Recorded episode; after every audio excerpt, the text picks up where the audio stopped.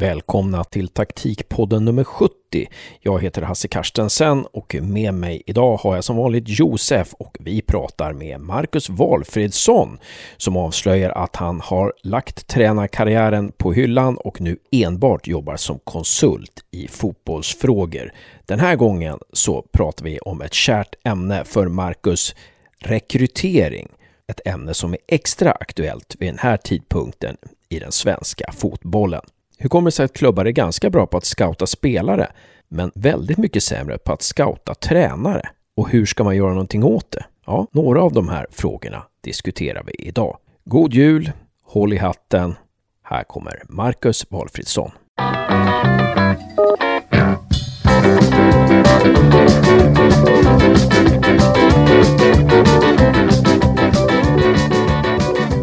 Välkommen till Taktikpodden, Marcus Valfridsson.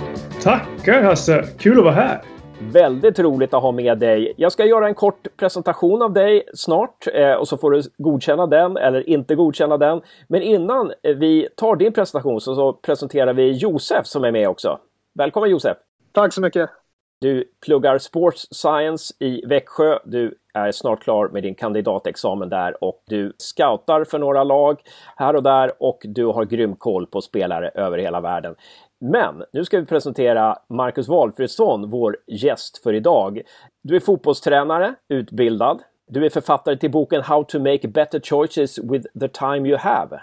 Du driver den internationella fotbollspodden The Efficient Coach. Du har verkat som tränare i Norge i cirka tio år i bland annat Mjöndalen. Du har tränat Linköping FC i Åbos damallsvenskan och du har talat på väldigt många utländska konferenser och konvent när det gäller taktik. Vill du rätta mig där eh, eller lägga till någonting?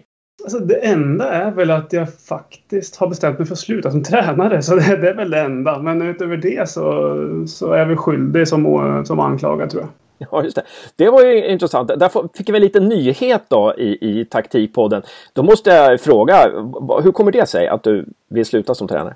Alltså det eh, hänger ihop med de upplevelser jag har, har haft. Dels som tränare. Ehm, jag var väldigt ambitiös och eh, la ner otroligt mycket tid och pengar och offra eh, relationer och allt möjligt. Flyttat överallt för att för den här drömmen om att bli tränare på toppnivå. Och Sen när jag var där så eh, är det ju så när man är jätteambitiös så gör man jättemånga grejer. Och jag gjorde alldeles för mycket. Eh, jag var otroligt fascinerad och intresserad av det att bygga organisationen när jag kom in. Vilket eh, kanske inte är det fotbollstränaren egentligen ska fokusera först av allt på. Eh, I alla fall det är min reflektion efteråt. Så att jag har ju faktiskt eh, kommit till en slutsats att jag brände ut mig ett par gånger. Och att det att vara tränare i sig själv kanske inte var huvuddrivkraften utan drivkraften för mig har varit att leda människor och förbättra de här organisationerna jag varit i. Och det tycker jag har varit eh, fantastiskt kul och det är också det jag gör egentligen dagligen nu. Just det. Och dagligen nu, vad, vad innebär det? Vad jobbar du med nu? Nej, jag jobbar som konsult så att jag hjälper klubbar och eh, individuella tränare eh, både i Skandinavien och framförallt eh, i Skandinavien och framförallt och i Nordamerika. Eh, där jag har en del konsultuppdrag så hjälper bland annat till med att bygga professionella strukturer i fotbollsklubbar. Eh, så det är allt från det Josef håller på med, med scouting, till, till att bygga akademiorganisationer och skapa spellogistiksmodeller etc. etc. Så att, eh, och rekrytering eh, av tränare och, och spelare. Så man kan säga att om man ska använda en bild så du har gått från att skriva manus för skådespelarna till att bli regissör då? ja men det var ju fantastiskt bra sagt. Det, det ska jag komma ihåg. Vi börjar någonstans, Marcus. Vi eh, har ju pratat lite innan här och tänkt vad ska vi fokusera på? Då kommer vi fram till det här med rekrytering. Om vi ska börja någon ända där då. Finns det något som förenar rekrytering av tränare och rekrytering av spelare? Och finns det något som skiljer dem åt? Som vi vanliga fans kanske inte förstår.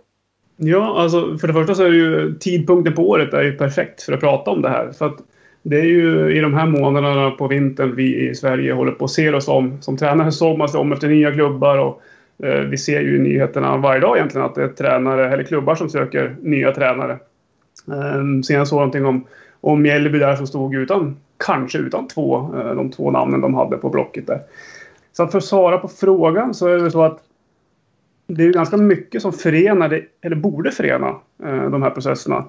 För man borde ju, utgångspunkten för, i bägge parter, bägge punkter är ju de egenskaper som spelarna har, att den egenskapen passar in i sättet vi önskar att spela.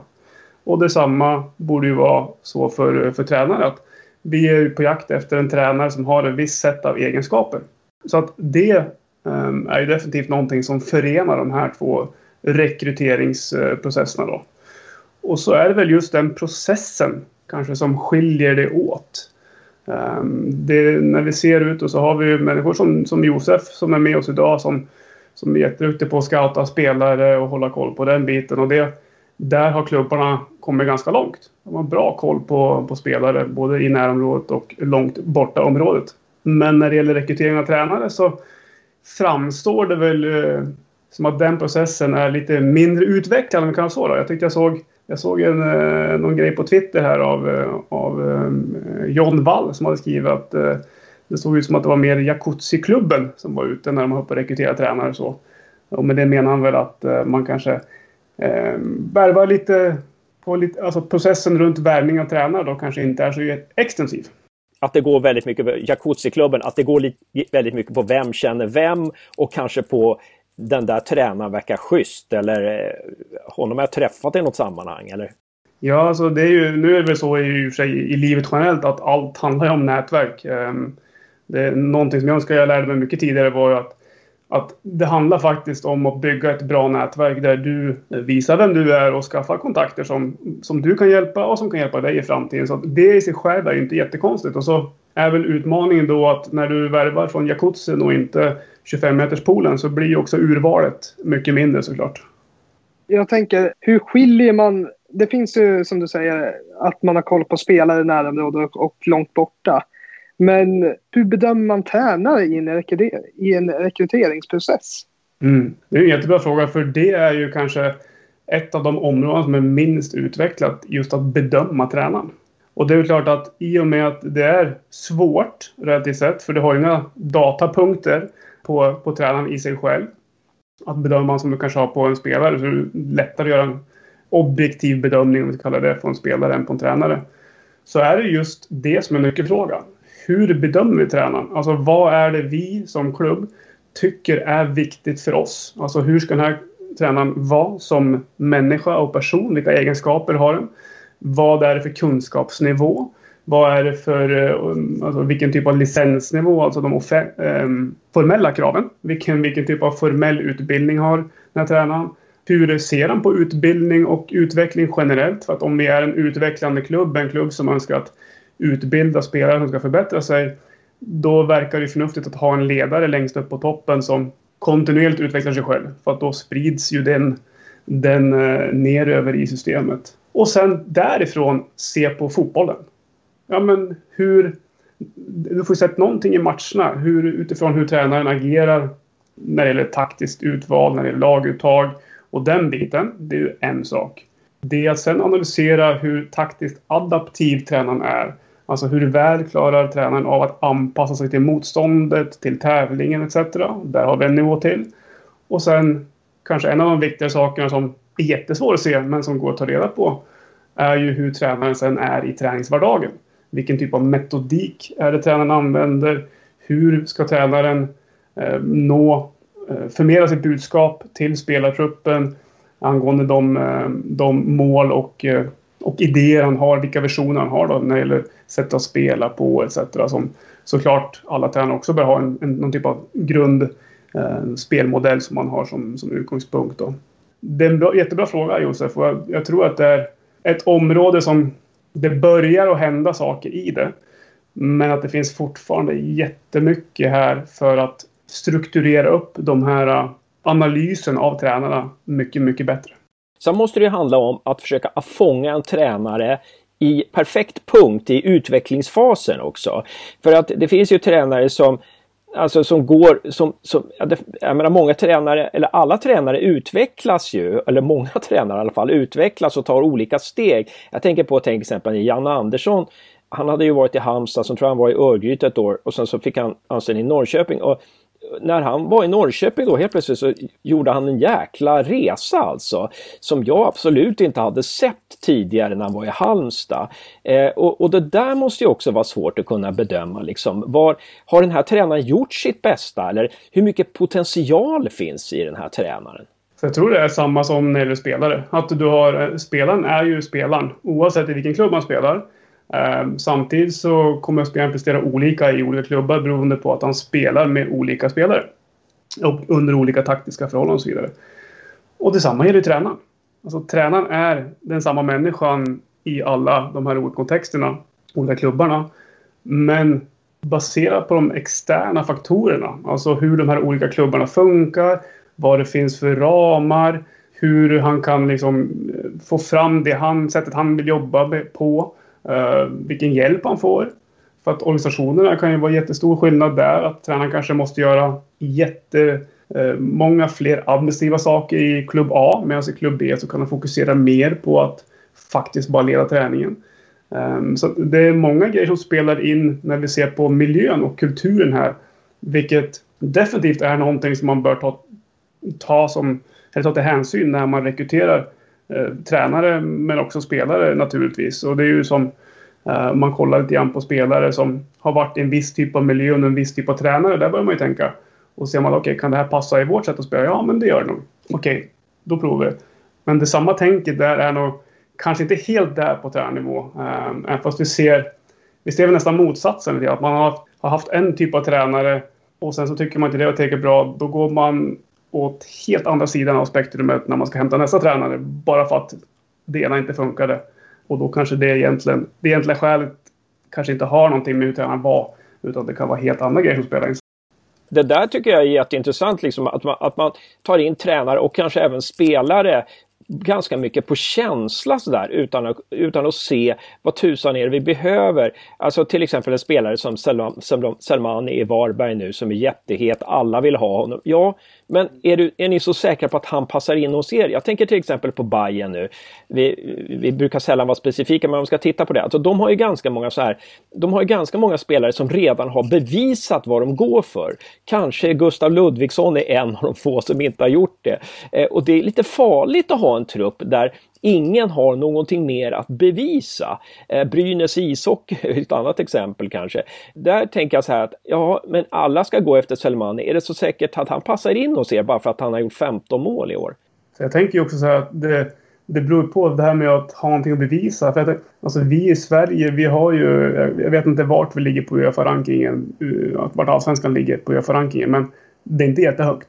Nej. Så Eh, Eh, jag, jag, tänker att det är möjligt att från ett ledarperspektiv sätta nivån högre. Sätta ribban högre. Och därigenom få de här, eh, skapa de här eh, viljan till att, som du uttrycker det, bevisa någonting.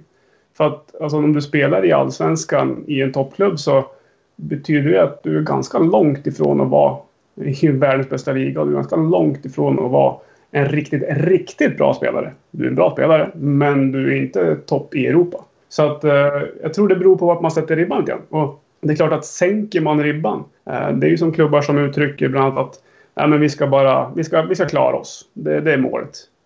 Ja, men fasiken, om vi är med och spelar i serien så bör vi i alla fall försöka allt vi kan till att vinna varenda match. Och om du är spelare i Allsvenskan så bör du i alla fall försöka till att bli bäst i Allsvenskan så att du kan komma dig vidare. Men har du stött på många klubbar eh, som du har konsultat med eh, och som inte har några ambitioner och som bara stannar av i ambitionsnivån? Alltså du märker ju, både ja och nej, för att eh, oftast de typen av klubbarna har, passar inte mig att jobba med. Eh, så att eh, vi, vi, vi, matchar oftast inte. Men däremot kan vara situationer där jag kommer in i en sån klubb genom en tränare till exempel, som jag hjälper. Eh, och det du ser är ju att officiellt så har man ambitionsnivå och så vidare. Men utifrån handlingarna, vad man gör och vad man, när, man, när det kommer till kritan, så har man inte det. Och det kan vara baserat i att det är inkompetenta ledare i ett styrelserum till exempel. Eller bara att det är människor som menar väl men som bara inte har en aning om varken fotboll eller vad som krävs för att driva en, en elitklubb. Eh, där tror jag det finns en hel del exempel eh, Eh, i, genom historien och, eh, och genom vårt långa land. Eh, där det kommer in människor som sitter i styrelserum och de har all välmening och de vill hjälpa till men de vet bara inte helt enkelt hur man ska göra.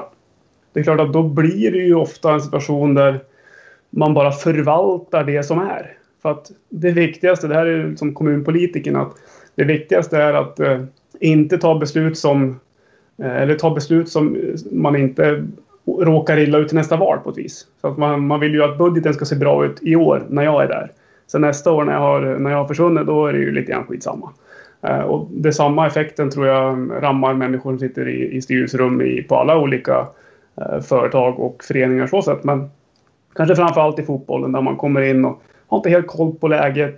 Eh, det blir mycket känslor, det blir mycket, Eh, mycket tyckande och, och hit och dit och så kanske inte den sportsliga kompetensen helt är förankrad i klubben och, eller att man inte lyssnar på den. Och då blir det ju på något vis i praktiken att ambitionsnivån försvinner. Även fast någon eller någon eldkraft eller någon eldsjäl så eller man kanske har någon typ av officiellt mantra men det är ju bara att se på om man satsar eller inte. Det, det går ju att mäta. Eh, det är bara att se på kronor och öron. Det går att se på, på hur hårt man jobbar för att få in ytterligare intäkter och vad man gör för att, för att stärka den sportsliga verksamheten. Och då, då ser du om man satsar eller inte. Ja, det där har vi varit inne på jättemycket i taktikpodden. Det, det förstår vi är en het potatis och eh, något som inte så många prat, vågar prata om ute i fotbollssverige eller när man är anställd av en klubb. Att eh, problemet ligger mycket på styrelseplanet. Hur ska, vi, hur ska vi göra för att eh, vi ska få in bättre styrelsefolk eller att en, en styrelse ska förstå vad de håller på med? Att de ska bli bättre på att rekrytera. Hur ska, hur ska vi lära dem? Liksom? Ja, alltså så skulle väl jag ge rådet till styrelsemedlemmar som sitter i fotbollsklubbar att eh, för det första se till att man anställer människor som är kompetenta. Alltså i sportslig ledning och i såklart en, en organisationsledning. För det är ju styrelsens arbete är att jobba med visioner och långsiktiga målsättningar. Det är att se till att man får ett nätverk och man klarar av att dra in pengar för att stötta upp de visionerna. Det är ju inte att jobba i det dagliga, utan det är där du ska anställa kompetenta människor som utför folk som har erfarenhet, som har utbildning, som, som har kompetens helt enkelt. Och det, är väl, eh, det är väl de rekryteringar där som kanske inte alltid är lyckade. Anställa tjänstemän som kan jobbet helt enkelt och eh, tillsammans lägga en vision. Men eh, har, du, har du några råd till de som rekryterar spelare och tränare? Något utöver de du redan har haft? Eh, något som de bör lägga vikt vid men som de kanske förbiser eller glömmer? Framförallt i de här tiderna så, så är det väl är det nog väldigt lockande att korta ner processen. Att du har ehm, på något vis blivit överraskad av att någon tränare har slutat eller någon spelare har lämnat och så vidare. Och så vill du då få in en ny så fort som möjligt. Och alla som har varit i någon form av budgivning eller eh, prutningssituation vet att om du har bråttom för att få någonting så kommer du inte göra en bra affär. Så att det är väl steg nummer ett. Att se till att man har en process där man gör en grundläggande undersökning av ja, vad är det vi som klubb står för? Alltså den här självinsikten då på organisationsnivå. Vad är det vi är för någonting? Vad, utifrån det och dit vi ska, vår mission. Vad är det vi måste ha för att komma oss dit? Och sen därifrån, okej. Okay, utifrån de här grejerna som, som vi tycker är viktiga för oss. Vad finns det för kandidater? Finns det Ehm, och vad är styrkorna? Vad är svagheterna hos de här individerna? Ehm, därifrån sen prata med människorna och undersöka grundligt. Inte bara från närmaste kompisar utan kanske också från eh, spelare de har haft, tränare de har jobbat med ehm, etc. Etc. för att eh, kolla dels personlighet, för det kanske är det viktigaste. Eller så är det vilken typ av metodik. Hur är den taktiska kunskapen etc. etc.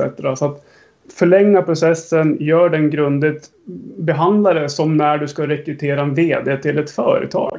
Och du gör ju inte det på en vecka. Så varför ska du göra det på en fotbollstränare?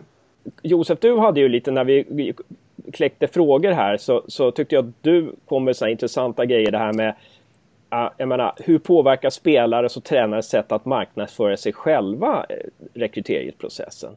Den tycker jag är spännande. Eh, hur, hur, vad är din syn på det? Nej, alltså, jag tycker ju att det påverkar ganska stort. Och det är klart att när du har eh, det gäller ju all marknadsföring för allt eh, i vårt samhälle egentligen. Men när du har en eh, population som har låg nivå av kunskap i ett visst fält och sen får du en stark marknadsföring som berättar hur duktigt någonting är. Det är klart att då är det ju lättare att övertyga mig att ah, men det här kanske är ganska bra. Och då kanske jag köper det. Och detsamma gäller väl, tänker jag, både för spelare och tränare, men kanske mer för tränare i och med att de här rekryteringsprocesserna är så pass eh, vi kallar det, outvecklade.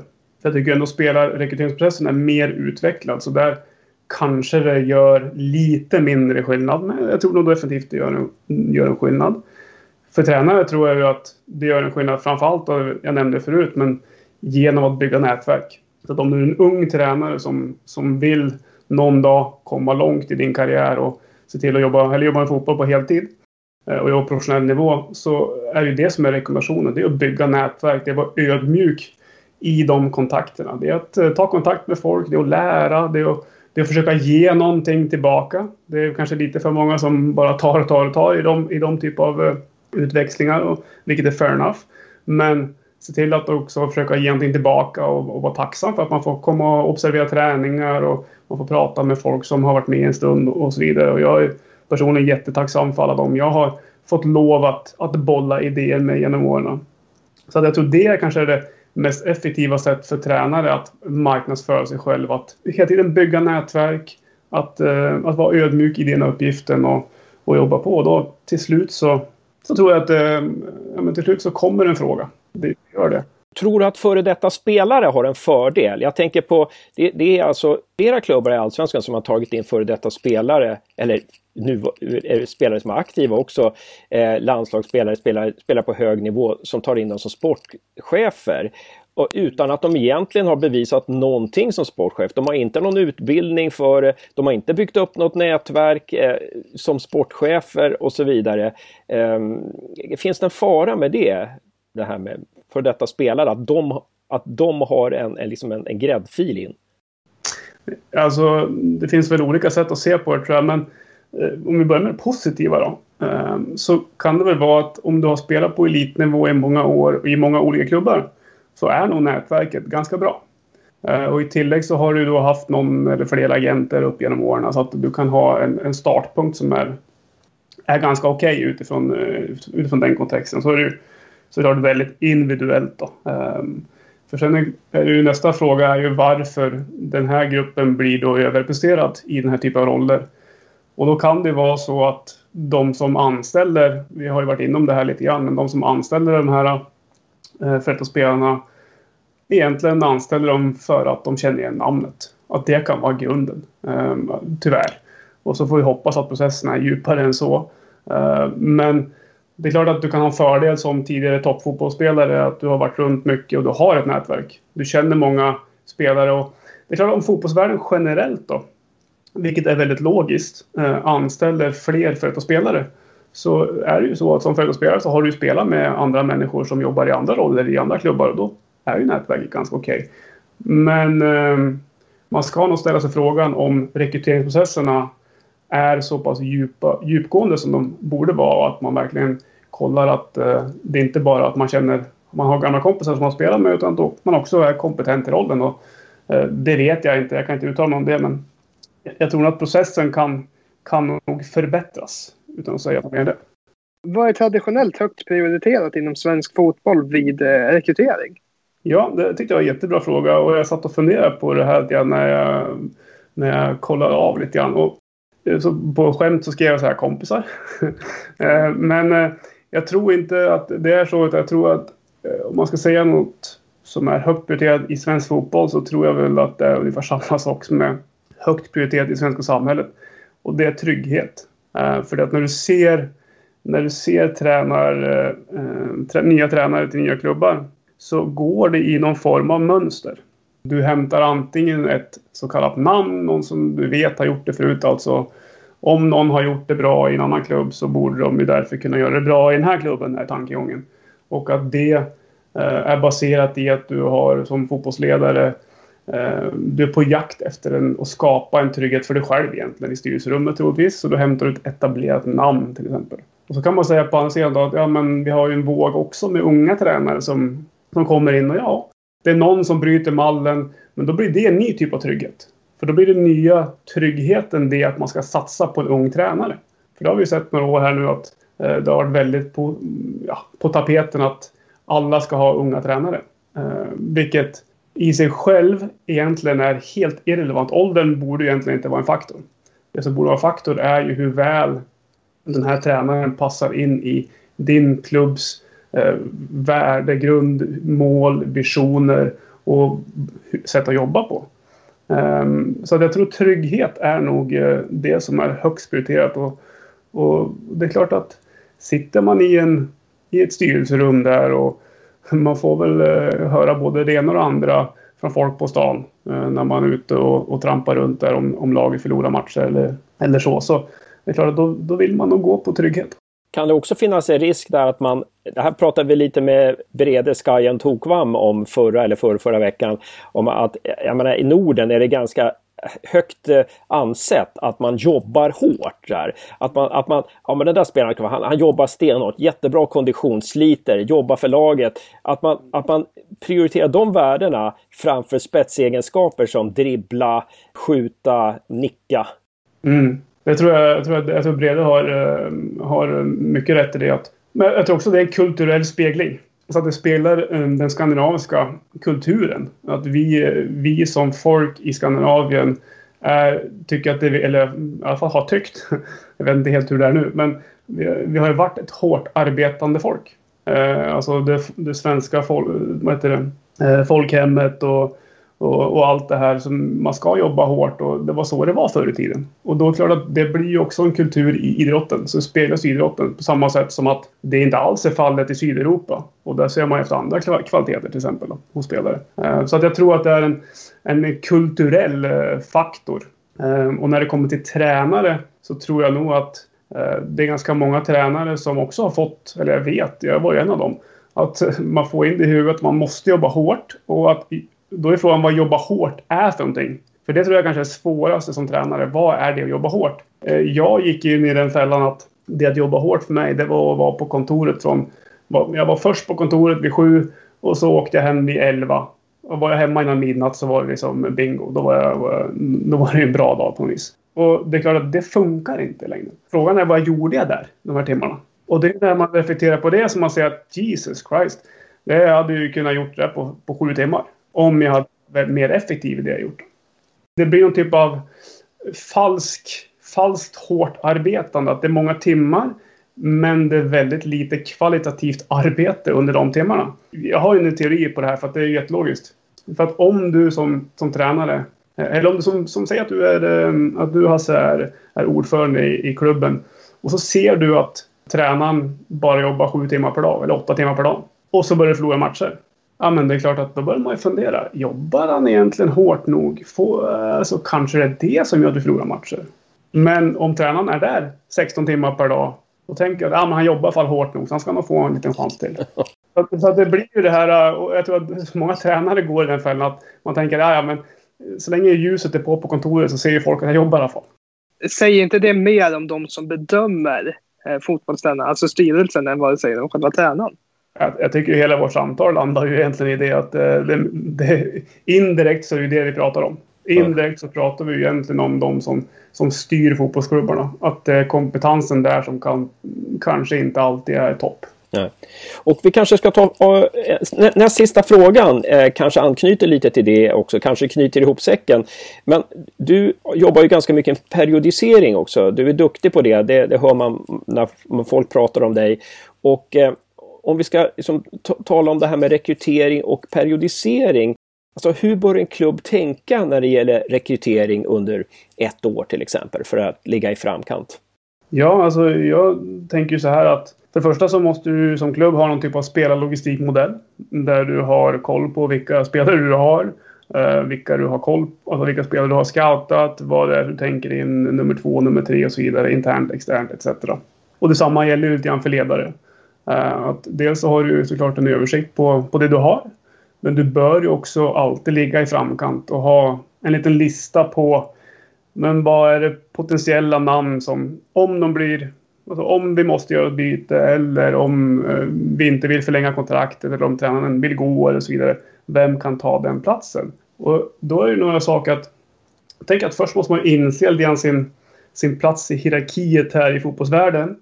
och faktiskt planera att till exempel att sälja av spelare. Att planera för att kunna tappa tränaren. Om man gör det tillräckligt bra. För att det är naturligt. Det är så det kommer att vara. Så länge vi är, vi är där vi är. Och så hålla kontakt då med potentiella framtida tränare. Och, eh, jag har ju faktiskt ett live-exempel från den verkliga världen där jag i somras eh, trampade ner på Uppsala centralstation för jag skulle käka lunch med, med Petter Hansson, en, en vän till mig som jobbar i Sirius. Och då sitter, eh, då sitter Ola Andersson och Daniel Bäckström och tar en lunch. Det är lite kul att se nu då, när Daniel blev anställd. Och det, den lunchen i sig själv var ju ingenting, utan det var ju bara sånt för att hålla kontakten. Men till slut och så händer det någonting när Henrik, um, Henrik inte förlänger och, och flyttar hem och då, då har man ju en kontakt redan klar. Så det är ju, det är ju typexempel på, på positivt sätt hur man kan jobba med, med att uh, ligga i framkant i rekryteringen. Så det är bra jobbat av Ola kalkylera med vilka spelare som ska lämna, tränare kan lämna och att man, att man planerar för det, att man har en, en, en utväg helt enkelt. Det är superbra. Jag är övertygad om att det här, det här låter ju väldigt självklart när, när du repeterar och säger det. Men det är ju också så att som tränare och framförallt om tränaren har ansvar för spellogistiken till exempel, eh, som är fallet i, i många, många klubbar. Om, om det är så så det är klart att tränaren och samma gäller ju styrelse och sportchefer ofta. Vi tänker ju att man vill ha det absolut bästa laget plan. Vilket är jättelogiskt. För att om du inte har bästa laget plan så har du mindre chans att vinna matcher. Vinner du matcher så till slut så får du sparken som tränare. Eh, det är bara en tidsfråga. Så tränaren har ju incitament till att alltid ha så bra trupp som möjligt. Det är ju helt förståeligt. Vilket betyder att det är ju klubben, någon form av sportchefsroll, som måste ligga på spellogistiksansvar och och ha den här äh, blicken fram. Okej, okay, vilken spelare ser vi nu att den är så pass bra så att vi kan och kanske måste sälja. För annars så kommer han gå gratis om ett år. Och se till att man då har plockat in en, en ersättare såklart redan innan. Och det är ju den här dialogen som, som man bör ha, ha klart för sig innan. För att som sagt, det är jättemånga instrument där för att se till att man har de bästa, spel, de bästa truppen konstant. Äh, men det kan ju också innebära att du förlorar spelare utan att få någon form av ersättning för det. Och då blir det ju i det långa löpet så blir det ju en sämre affär än det att eh, kunna hantera det här i korta löpet. Mm. Jätteintressant. Vi går till sista frågan då Josef. Om det fanns en tidsmaskin och du kunde gå tillbaka tio år i tiden och ta med dig en kunskap som du har nu som du inte hade då. Vad skulle det ha varit? Att det bara var en, det var ju lite besvikelse Josef. Om det bara är en grej så är det nog det att nu kommer jag säga två grejer bara för det. Ja, gör det. Ehm, men, men en grej är ju kanske det som, som nu har lett till att jag slutat som tränare och, och hellre jobbar på, på en nivå upp på en vis i fotbollsklubbar som konsult. Då. Ehm, så det är kanske en grej. Men, men ehm, sen är det ju helt klart det att eh, vikten av, vikten av och hur man bygger nätverk. För det tror jag är någonting som är underskattat för unga tränare när man kommer fram. Man, man tror att man kan och vet och så, och så kanske man inte lyssnar tillräckligt eller man kanske inte lägger tillräckligt med tid på att... Eh, I mitt fall så var det mer att jag inte höll tid på att hålla de här kontakterna i liv. Så, eh, så det önskar jag att jag hade gjort eh, mycket bättre för tio år sedan. Superintressant. Stort tack Marcus Walfridsson för att du ställde upp i Taktikpodden. Vi har lärt oss massor och hoppas att det inte var sista gången. Det här var ju jättekul Hasse och det var fantastiskt bra frågor både från dig och Josef så jag sätter pris på dem. Och stort tack för att jag fick, eh, fick vara med och, och delta. Förhoppningsvis så var det, var det möjligt för någon i alla fall att, eh, att lära sig någonting. Det, det är väl alltid det vi hoppas. Bra jobbat Josef! Tack så mycket Hasse och tack så mycket Marcus! Tack själv!